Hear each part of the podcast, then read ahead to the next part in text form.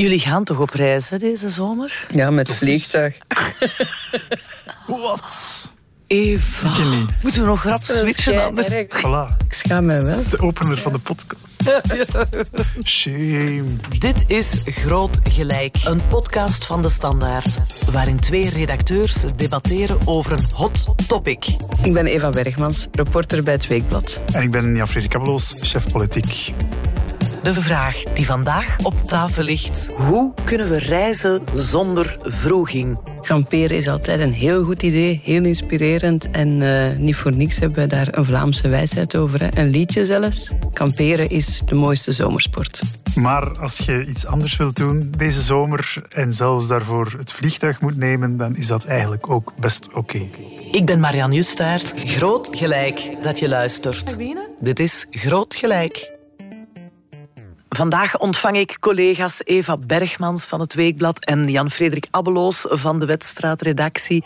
Het duo waarmee we deze Groot Gelijk ooit begonnen zijn en nu ook het seizoen afsluiten. En we gaan het hebben over het nieuwe reizen.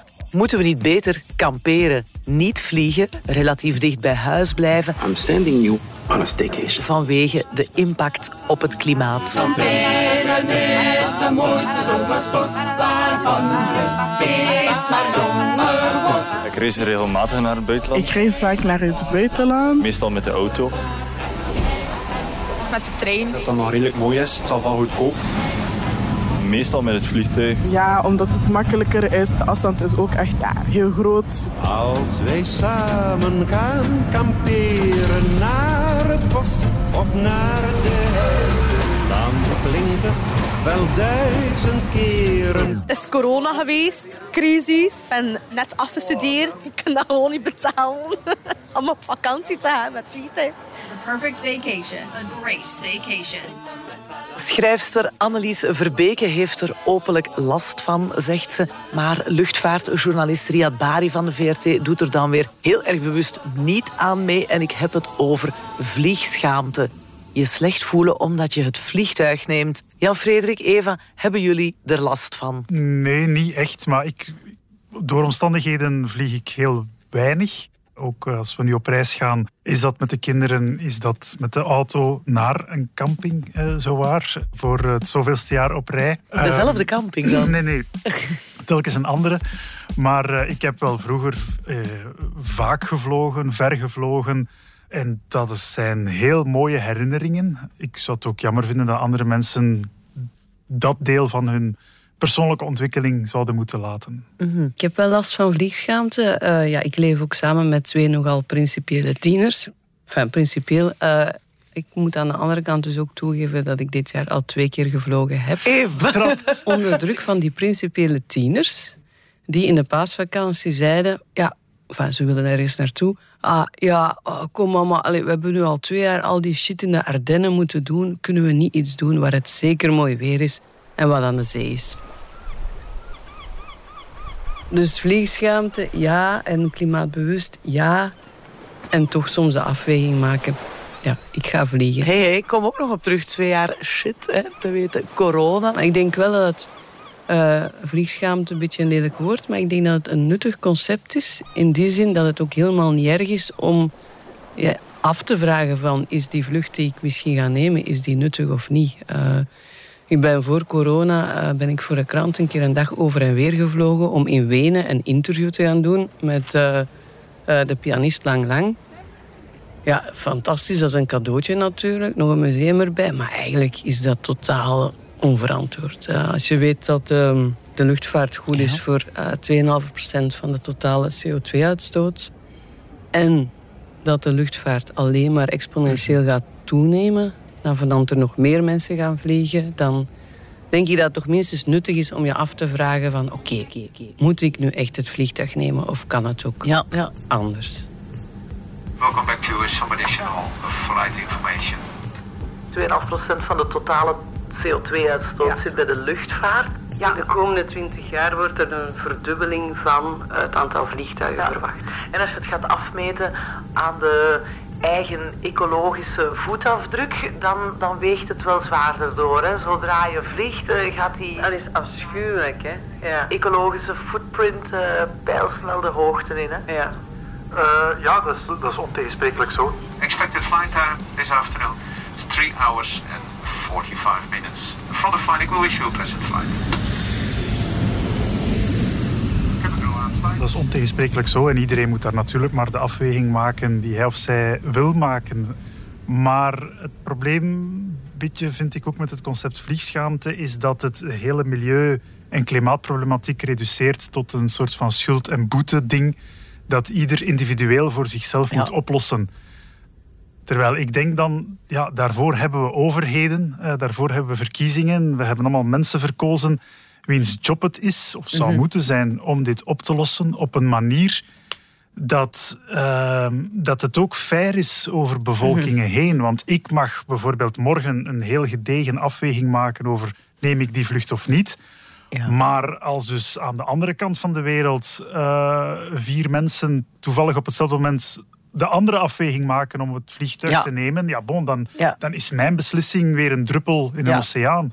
Dus dat, dat vind ik een beetje het gevaar. Er was vorig jaar ook een boek van Jaap Tielbeke, journalist, Nederlandse journalist, met als, als mooie titel Een betere wereld begint niet bij jezelf. De grootste onzin is de slogan: een beter milieu begint bij jezelf. Als we allemaal maar ons steentje bijdragen, dan komt het wel goed. We mogen wel concluderen dat dat, eh, de ecologische crisis is eigenlijk alleen maar gegroeid. Er zijn een aantal bedrijven, 100 bedrijven, die heel veel geld hebben verdiend met een verdienmodel waarvan ze al heel lang wisten dat het funest was voor de planetaire gezondheid. Verantwoordelijk zijn voor meer dan 70% van de wereldwijde. Die zijn een stuk schuldiger dan jij en ik. En dat was net het omdraaien van heel die logica. Van ik moet nadenken over wat ik eet, ik moet nadenken over hoe Ja, ik mij beweeg, ik verantwoordelijkheid moet bij het nadenken over de kleren Ja. die ik draag. En als ik daar één foutje maak, bij al die afwegingen, dan ben ik een onmens. Ja. Ik trek het nu een beetje op flessen, maar het reduceert heel dat, proble- dat probleem wel tot, tot het individu versus Ja. het grote systeem, waar dat je als individu eigenlijk toch weinig greep op hebt. Ja, daar ben ik het wel helemaal mee eens. Ah, Ik vind het ook een schande dat als we weten dat vliegen zo'n impact heeft, dat er geen werk wordt gemaakt van eh, alternatieven, zoals de trein. Of dat dan... Ja, de trein is voor de, gezien de prijzen sowieso nog voor eh, de happy few.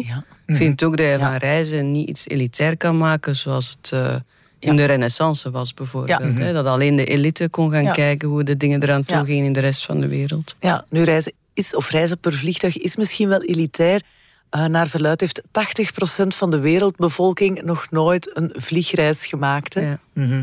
Het blijft wel bij de 20% die eh, alleen doen het dan teniet voor de rest van de wereldbevolking. Hè? Ja, dat komt erbij. Ja. Maar, dat, ja, maar ook in eigen land. is ook ongeveer 1 op 5 is te arm, denk ik, om op reis te gaan. Zelfs in België. Ja, ja, ja. Ehm, dus vliegen iets elitair, ja, dat klopt. Maar gaan we het dan nog elitairder maken in functie van het klimaat? Of Ja. eh, moet de oplossing toch ergens anders zitten? Maar ik vond het wel interessant wat je zei van inderdaad, de verantwoordelijkheid wordt altijd maar in de nek gedraaid van het individu. En dat is zeker niet helemaal eerlijk, oké. Maar dan denk ik, eh, als iedereen dat denkt en dus niets doet, ja, dan komen we natuurlijk nergens. Als elk individu wel een beetje voor zijn eigen deur zou vegen, dan komen we misschien wel ergens. Ja, en ik geloof ook dat je, allee, je steekt daardoor iets aan, je inspireert er misschien andere mensen mee. Enfin, je zal er ongetwijfeld ook mensen mee op een systeem werken. Maar mensen die er hetzelfde over denken en je helpt elkaar een beetje om daar oplossingen in te vinden, dat dat niet meer is van er is iets wat we niet mogen, maar dat het wordt van hé ja, we kunnen dat op deze manier doen en het is leuk. En ik geloof ook wel dat als je uiteindelijk met genoeg bent, dat je een soort ja, druk op een systeem kan Hmm. creëren, waardoor het systeem misschien toch ook gaat bewegen. Want natuurlijk, zolang wij zeggen, ja, de overheid doet niks, dus ja, wij vliegen nu eenmaal vier keer eh, voor een citytrip met een low-cost maatschappij, dan hou je toch een systeem mee in stand waarvan je kan afvragen, wil ik dat wel? Het personeel van die low-cost maatschappij is ook niet bijzonder blij met de manier waarop ze hun job moeten doen. Daar zou een overheid misschien ook iets aan moeten doen. absoluut, Eh, ja. Maar dus ja, het- ik ben het er helemaal mee eens. Eh, er moet veel meer gebeuren op een structureler niveau. Maar om dan te zeggen, ja, ik ga het mij niet aantrekken zolang de wereld niet verandert, dat vind ik ook een brug te ver. Ja, maar het gaat ook over welke keuzevrijheid heb je. Ik had daarnet eens opgezocht, nog los van kost. Als ik volgende week naar Rome wil, dan zegt hij mij dat duurt twee uur. Oké, dus inbegrepen, je moet naar de luchthaven geraken, je moet daar wachten, pak all in. Ik zeg nu maar iets vijf uur. Uh, daar geraken met de trein 20 uur. Ja. Dat is maal ja. 10. Sorry, maar dat is geen keuze. Dan rep ik mij en dan neem ik die vlieger. En dan zal al die bijkomstige overwegingen over het klimaat...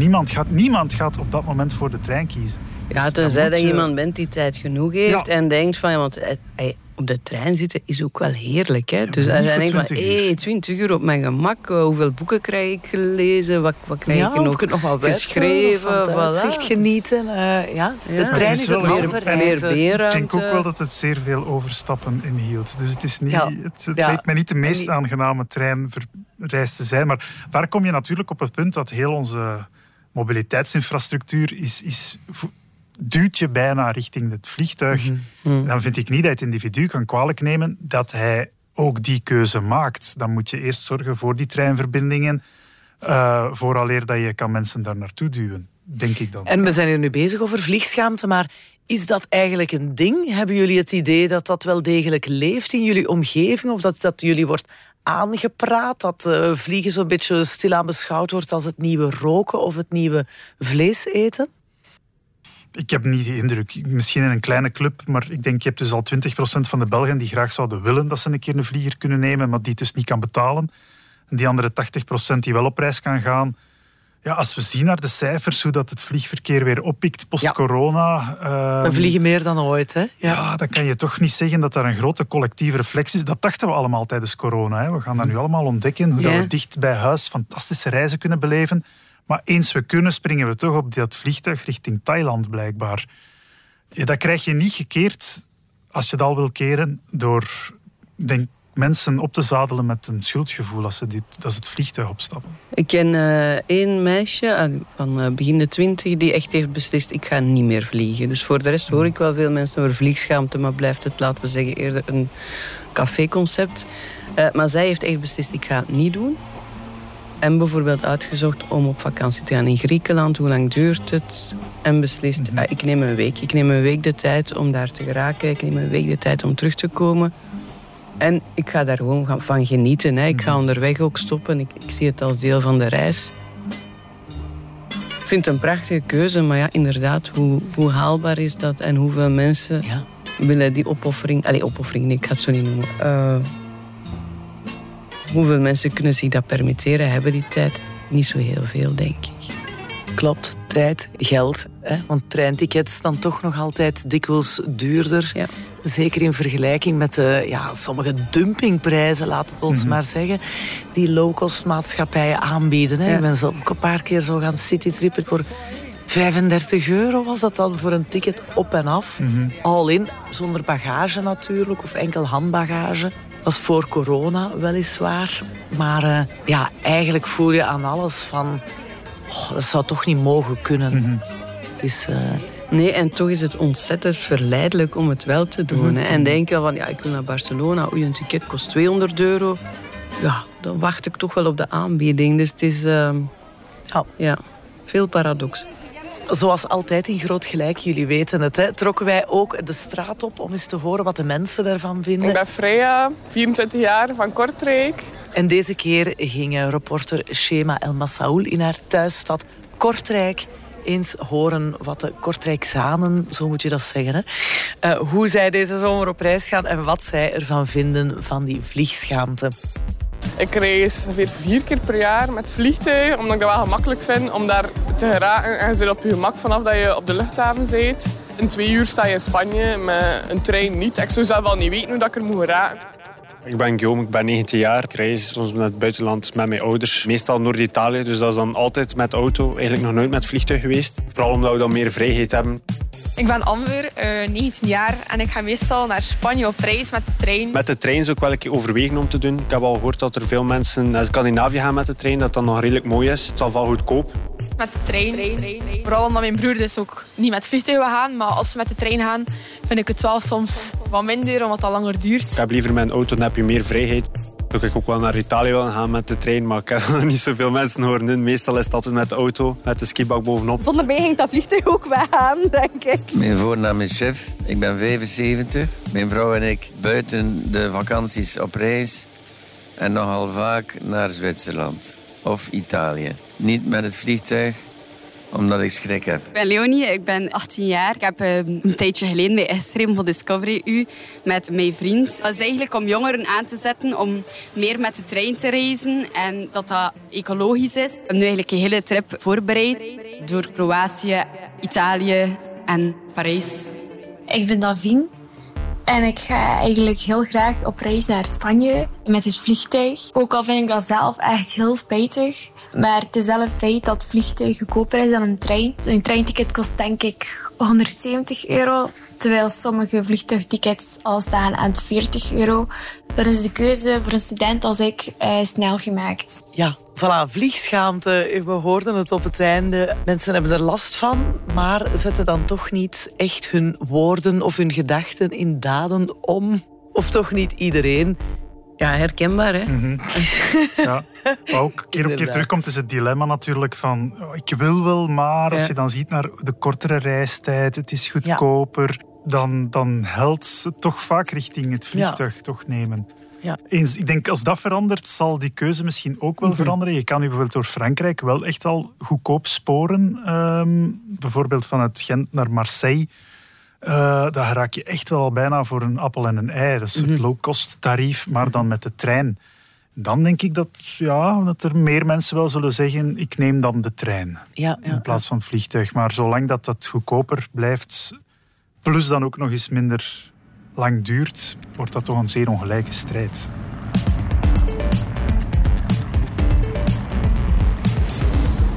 Het begrip vliegschaamte komt uit Zweden. Eh, daar was een paar jaar geleden ineens eh, in zwang. Flixkam. Heet? Flixkam? Zal je het zo uitspreken? Oei. Prachtig. Oh, dat heb ik nog niet gedubbelcheckt eigenlijk. Flixkam. en dan kwam het overgewaaid hier naar, eh, naar onze contraien. Ja, daar werd het op een gegeven moment als eh, zo immoreel beschouwd om te vliegen dat een kwart van de Zweden echt besliste om eh, niet meer eh, per vliegtuig te reizen.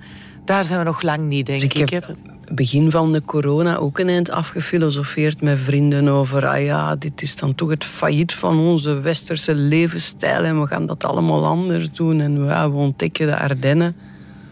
Maar ja, kijk. Na dat drie keer in de het wordt- daar ook wel wordt gemaakt, maar... eh, Maar kijk, we vliegen nu toch terug. Ja. Zoals terug. iedereen blijkt. Allee, zoals Mm. ja, de mensen die het zich kunnen permitteren. Ja.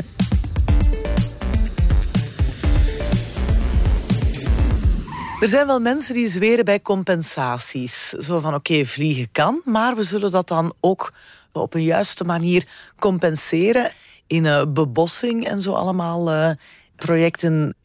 Heeft dat zin, zo compensaties? Wordt dat daadwerkelijk eh, uitgevoerd dan? Of is dat eigenlijk puur om je eigen geweten te sussen?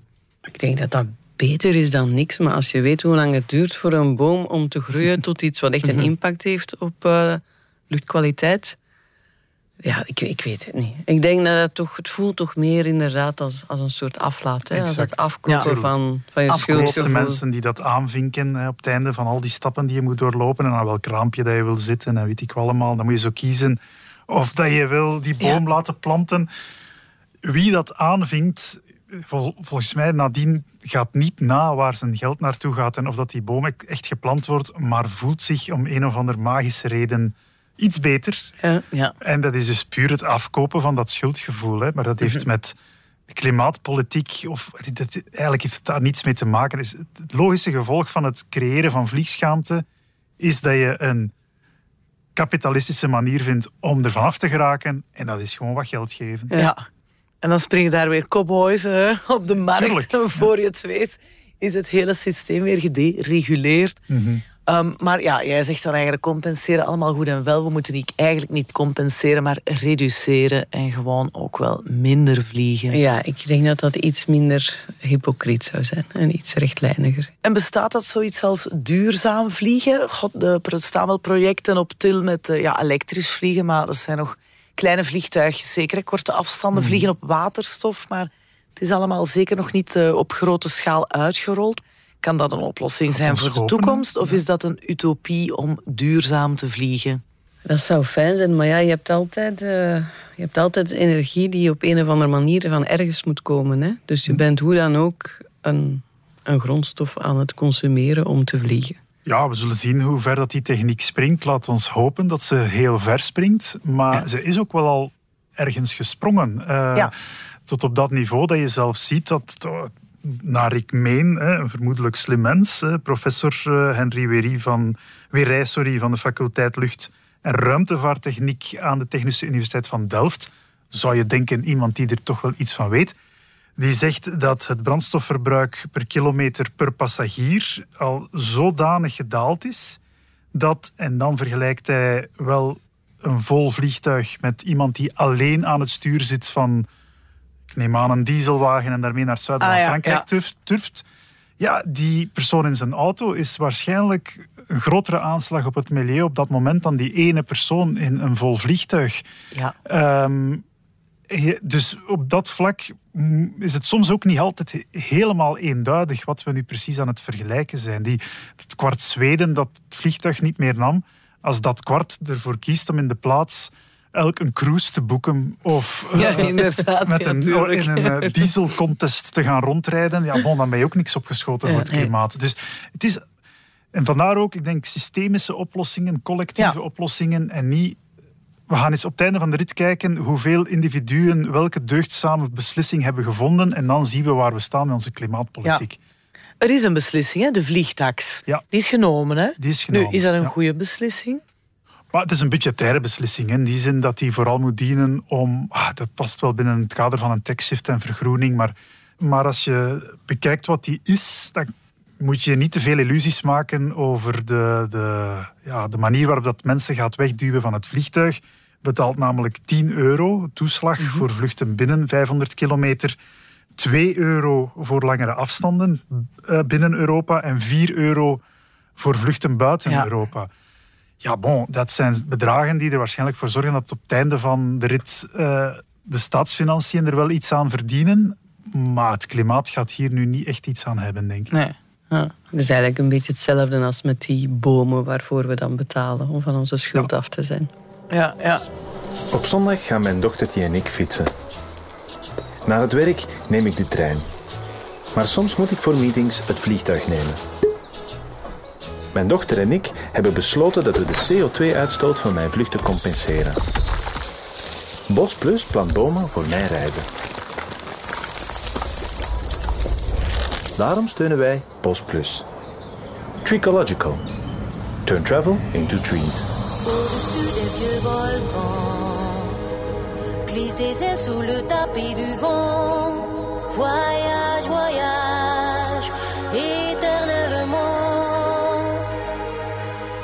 Laat het ons eens wat extremer maken of wat verder doortrekken, onze denkoefening. Moeten we niet tout court minder gaan reizen? Is dat niet de oplossing, Eva?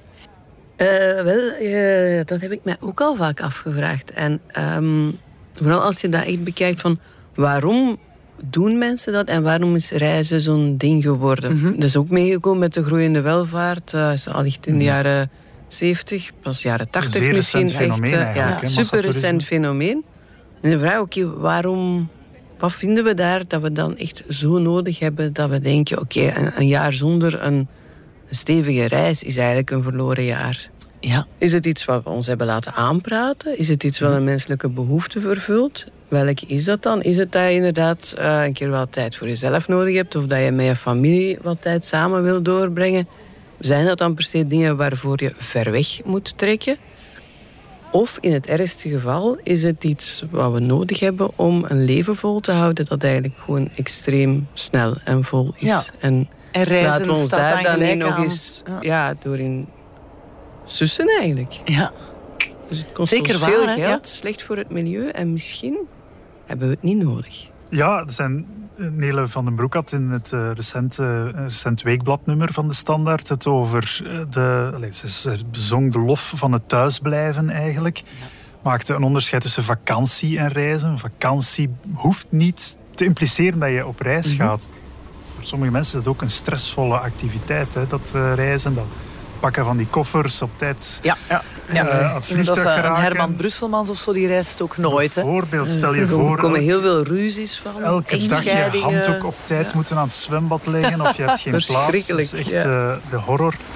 Dus ja, maar waarom doen we het dan? Omdat het, omdat het als je het goed doet, reizen toch wel iets ongelooflijks is, waar je op het einde van het jaar terugdenkt aan wat heb ik dit jaar nu gedaan. En daar zal die reis toch altijd deel zijn van de film van dat jaar. Het breekt je sleur, je ontmoet nieuwe mensen, nieuwe culturen. Het opent je geest, vind ik ook wel. Allee, of het, uh, het is leerrijk, want net door dat contact met andere culturen, andere landen, leer je wel bij en sta je toch wel begripvoller in de wereld ten opzichte van de ander. Het klinkt Mhm. wat wollig, maar ik vind dat, dat reizen ook daar wel toe bijdraagt. Ja, dat eh, zul je bij zeker niet horen afstrijden. Alleen, ehm, het is ook iets waar mensen zich soms achter verschuilen. Terwijl ik denk van ja, je kan ook heel tof een andere cultuur gaan ontdekken. Maar je kan ook dichter bij huis een andere cultuur ontdekken. We leven in een heel diverse samenleving. Als je het gevoel hebt van ik wil wel eens praten met iemand met een totaal andere achtergrond. eh, ga de straat op, kijk eens rond. En eh, je hebt sowieso een babbel die, eh, die je geest opent. Hè? Dat is trouwens ook onderzocht. Er is weinig wat zo goed is voor je mentale welzijn en je geluksgevoel eh, als heel geregeld, pakweg één keer per dag, een babbel slaan met iemand die je niet kent. Right. Ja, you got me. nu, na twee staycations vond ik ook wel uh, dat ik echt het recht had om nog een keer naar het buitenland te gaan. Vorig jaar was het dan, vorige zomer. Bestaat er zoiets als een recht op reizen? Well, het recht op reizen uh, staat niet in onze grondwet. Uh, ook niet in de Universele Verklaring voor de Rechten van de Mens. Er is wel een onderdeel van de Verenigde Naties, Wereldtoerismeorganisatie, die eigenlijk wel zegt dat ieder mens zou het recht moeten hebben om, uh, om de wereld te zien. Ook vanuit de filosofie. Het brengt ons als mensheid dichter bij elkaar. Het helpt mm -hmm. ons te begrijpen. Op voorwaarde natuurlijk dat je die communicatie hebt. Hè. Als je naar het buitenland gaat, om daar naar dezelfde Netflix-reeksen te kijken op je iPad, waar je hier naar kijkt, ja, bon, dan schiet het, uh, ja.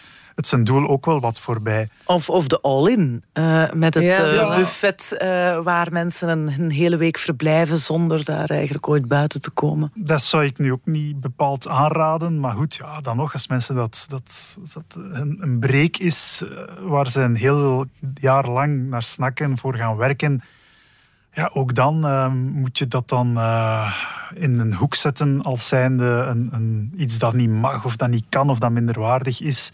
Nee, helemaal niet, maar het is wel iets waar je vragen bij kan stellen. Hè? Als, als, als het leven zo'n uitputtingsslag is voor sommige mensen, en ik twijfel er niet aan dat dat dat is, dat ze nadien ergens twee weken in, ja, aan een zwembad moeten gaan liggen en zo min mogelijk input hebben, dat is, ja, ik vind dat enigszins verontrustend. Mm-hmm. Ja, dat is een hele andere discussie waarover we ook eens een podcast uh, moeten maken. Dat is zeker zo. Maar um, moeten we anders reizen dan? Met meer aandacht voor um, de bestemming? Met meer respect voor het uh, land waar we heen gaan? Ja. Moet het meer een win-win situatie worden? Kan dat? Toerisme is ook levensnoodzakelijk voor een aantal regio's. Mm-hmm. Onlangs stond in onze eigen krant: ga nu naar Turkije. Als je mm-hmm. goedkoop ergens wil gaan, Ga dan nu naar Turkije. Ja. En ze zitten daar inderdaad te wachten op de terugkeer ja. van de toeristen. Zoals ze in Egypte allicht ook zitten te wachten op de terugkeer van de toeristen. Mm-hmm. Straks ja. Sri Lanka ook ongetwijfeld. Als het weer wat stabieler wordt in dat land. Ja. Ja. Is dat dan onrespectvol reizen? Of zeg ja, doe je daar kwaad mee? Uh, ik, ik, ik, weet dat eigenlijk niet. Ik vind dat heel moeilijk. Um, ik vind het ook heel moeilijk om te zeggen inderdaad van ja, er is een manier van reizen. De all-in vakantie die wij gaan wegzetten ja. als, als minder of zo. Ja. Het is een kwestie van evenwichten. Hè. Ik denk de beelden die we allemaal kennen van de, ja, het massatoerisme in Venetië of in Rome, mm-hmm. waardoor dat het, ja, het leven daar gewoon een, een, een hel wordt. Dat, ja. Is, uh, ja, dat moet aangepakt worden en dat moet ook gewoon politiek beteugeld worden. Ja. Uh, ook Vlaamse steden. Hè. Als je ziet, in, ik woon in Gent. Ja. ja. er komt een punt waarop dat je ja, denkt als Gentenaar, ja. het zal wel gaan. Hè? Ja. Uh, misschien moeten we zien dat er... Is het zo erg in Gent? Nee, nu, eigenlijk zitten we nog, niet, nog lang niet op dat punt, maar je voelt wel dat de binnenstad wordt meer en meer een ruimte die ook gericht is op die toeristen. Souvenirs, uh, fastfood, dat soort zaken. Um, ja, je moet daar een politiek rondvoeren. Je moet er als gemeentebestuur mm-hmm. mee bezig zijn. Bewust zijn van het feit dat het een bron van inkomsten Maar je wil wel nog altijd dat het een, dat een stad iets is waar ook andere functies... ja, Die dient ook andere functies. Mensen moeten kunnen leven, studeren, noem maar op. Uh, en denk ik dat dat ook zo met internationaal toerisme is. Uh, Zeker, ja, ik las vorig jaar op reis trouwens. um, Grand Hotel Europa van uh, Ilya Leonard Pfeiffer. Ik hoop dat ik het juist uitspreek allemaal. Maar wauw, dan zijn wel de schellen van mijn ogen gevallen, moet ik zeggen, dat over het massatoerisme, dat heel veel Europese steden um, echt gijzelt hè, en echt bijna kapot maakt. Van, er werd een beeld opgehangen hoe die kreunen onder ja. Uh, ja, dat massatoerisme. En dan ook op een gegeven moment dan komen de Chinezen. Oh, oh, die pakken dan de boel over. En dan denk je, ja jongens, we moeten hier wel echt een keer iets gaan veranderen. Want zo kan het absoluut niet Hij heeft dat heel mooi neergezet. Hij is natuurlijk zelf in Italië gaan wonen, ja. omdat het leven daar goed is. Mm -hmm. ja. Het interessante is dat het boek vrij... Het is denk ik 2018, 19 met andere woorden niet zo ver voor de pandemie. Ja. Uh, wanneer heel dat systeem natuurlijk in elkaar is gestuikt en hij dan een dagboek is gaan bijhouden van hoe leeg het leven wel plots ja. werd en uh, dat er haast een hunkering was naar, waar, naar die toeristen op het moment dat er geen meer waren. Waar is dus, iedereen? Voilà. Waar is ja. iedereen? Dus ja. ik denk, ja, goed evenwicht is nodig. En de vraag is, hoe bereik je dat? Um, maar dat lijkt mij opnieuw een politieke vraag dan te hopen dat er toch niet te veel volk straks terug naar Rome en Venetië gaat. Nee, maar dat heb je bijvoorbeeld met iets als Airbnb. Natuurlijk, als hele steden worden opgekocht door mensen. Airbnb begint als... Ik heb hier wel ruimte over, uh, sympathiek initiatief. Kom vooral bij mij logeren tegen een goede prijs. En wat is het nu uiteindelijk? Dat mensen zeggen, ja, ik ga een aantal appartementen opkopen en, en verhuren via Airbnb. Ja, dat, ja. dat is een stad gewoon laten kapotmaken. Hè? Mm -hmm. Ja, ja, je hebt het perfecte bruggetje gemaakt naar het uh, enige onderwerp dat ik hier zeker nog wil behandelen. En dat is hoe, waar en hoe logeren we dan als we op reis zijn. Ja, want we moeten het ook nog over kamperen hebben natuurlijk.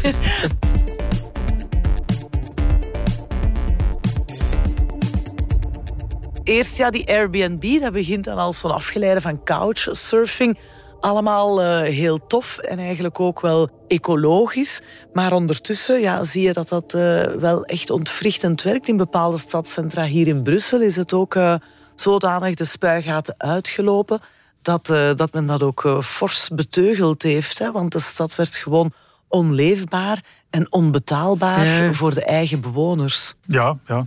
Helemaal terecht. Ja. Wat ik wel een sympathiek initiatief vind, is uh, Fairbnb. Uh, Oké. Misschien een oplossing voor de problemen die er zijn met Airbnb.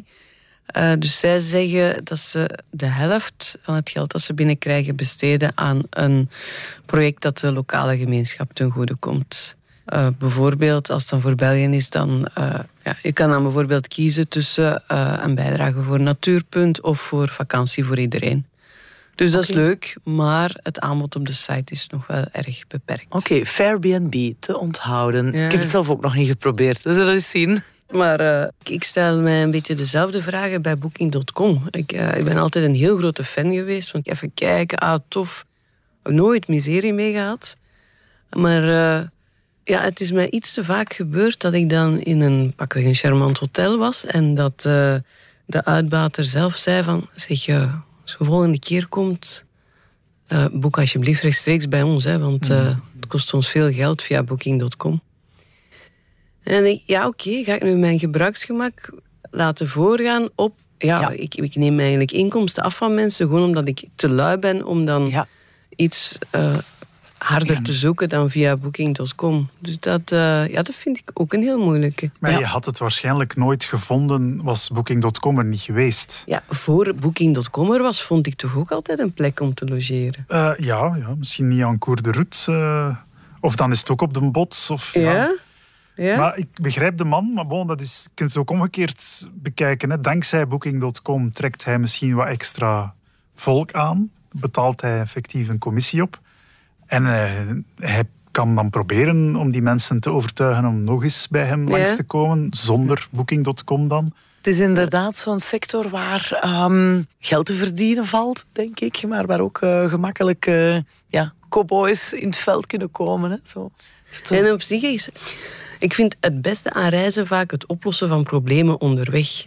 En dat wordt ook makkelijk gemaakt door dingen als Booking.com en TripAdvisor, terwijl het eigenlijk nog net iets spannender is als het echt moet oplossen en rondzoeken van oh, wow, wacht, wacht, wacht, dat zit vol, dat zit vol, dat zit vol. Oké, nog een adres proberen. Uh, en dan iets vinden en dan van, ah ja, oké. voilà. Alles is weer in orde, opgelost. Ik heb dus Zalig. de oplossing, Eva. Kamperen. Oh. Want daar moeten we het ook nog even over hebben.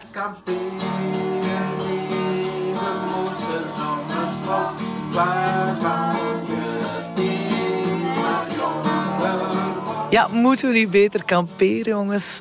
Is dat niet de uh, manier om te reizen in de toekomst? Want dat is nu toch echt pas ecologisch. En weet je wat, dan kun je al die bookings.coms en Airbnb's en zo vermijden. En, en, meestal ook gewoon het vliegtuig, want ik denk dat uh, het gros, het uh, grote levendeel van de kampeerders per auto op reis trekt. En ik doe het zelf altijd. En ja, ik ben wel een grote fan. Je leeft echt buiten in de natuur. Um, heel kleinschalig, volgens mij ook. Uh, ja, dus met een kleine ecologische voetafdruk. Ik ben er niet zeker van. Ik wil het niemand opleggen, want ik weet dat er mensen zijn die echt lastig worden van mieren in hun eten en zand tussen hun tenen en zeggen, ah, mijn rug, mijn rug. Maar ja, ik ben het er helemaal mee eens. Er is um, geen betere manier van op vakantie gaan dan kamperen. Ja, ik, moet dat, ik kan mij enkel aansluiten. En mijn lief heeft mij bekeerd al een paar jaar terug, jaren terug. Het is een superieure manier van ontspanning. Ja, Inderdaad, altijd buiten, zoals je zegt.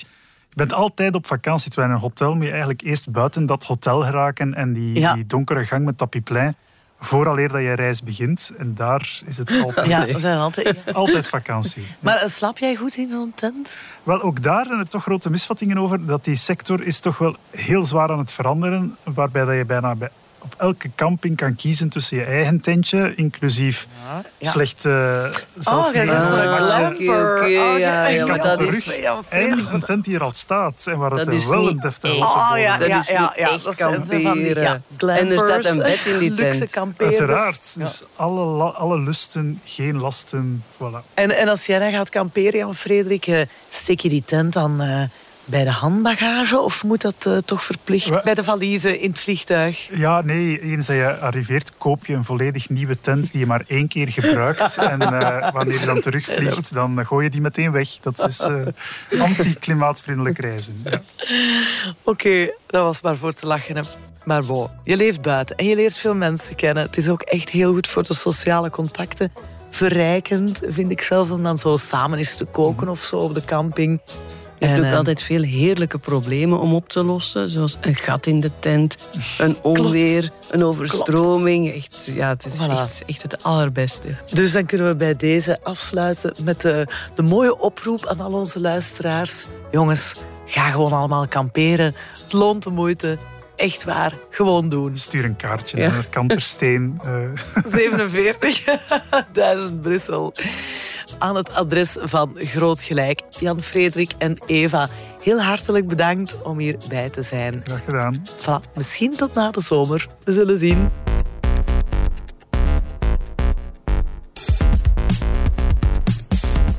Dit was Groot Gelijk, de tweewekelijkse debatpodcast van De Standaard. Bedankt om te luisteren.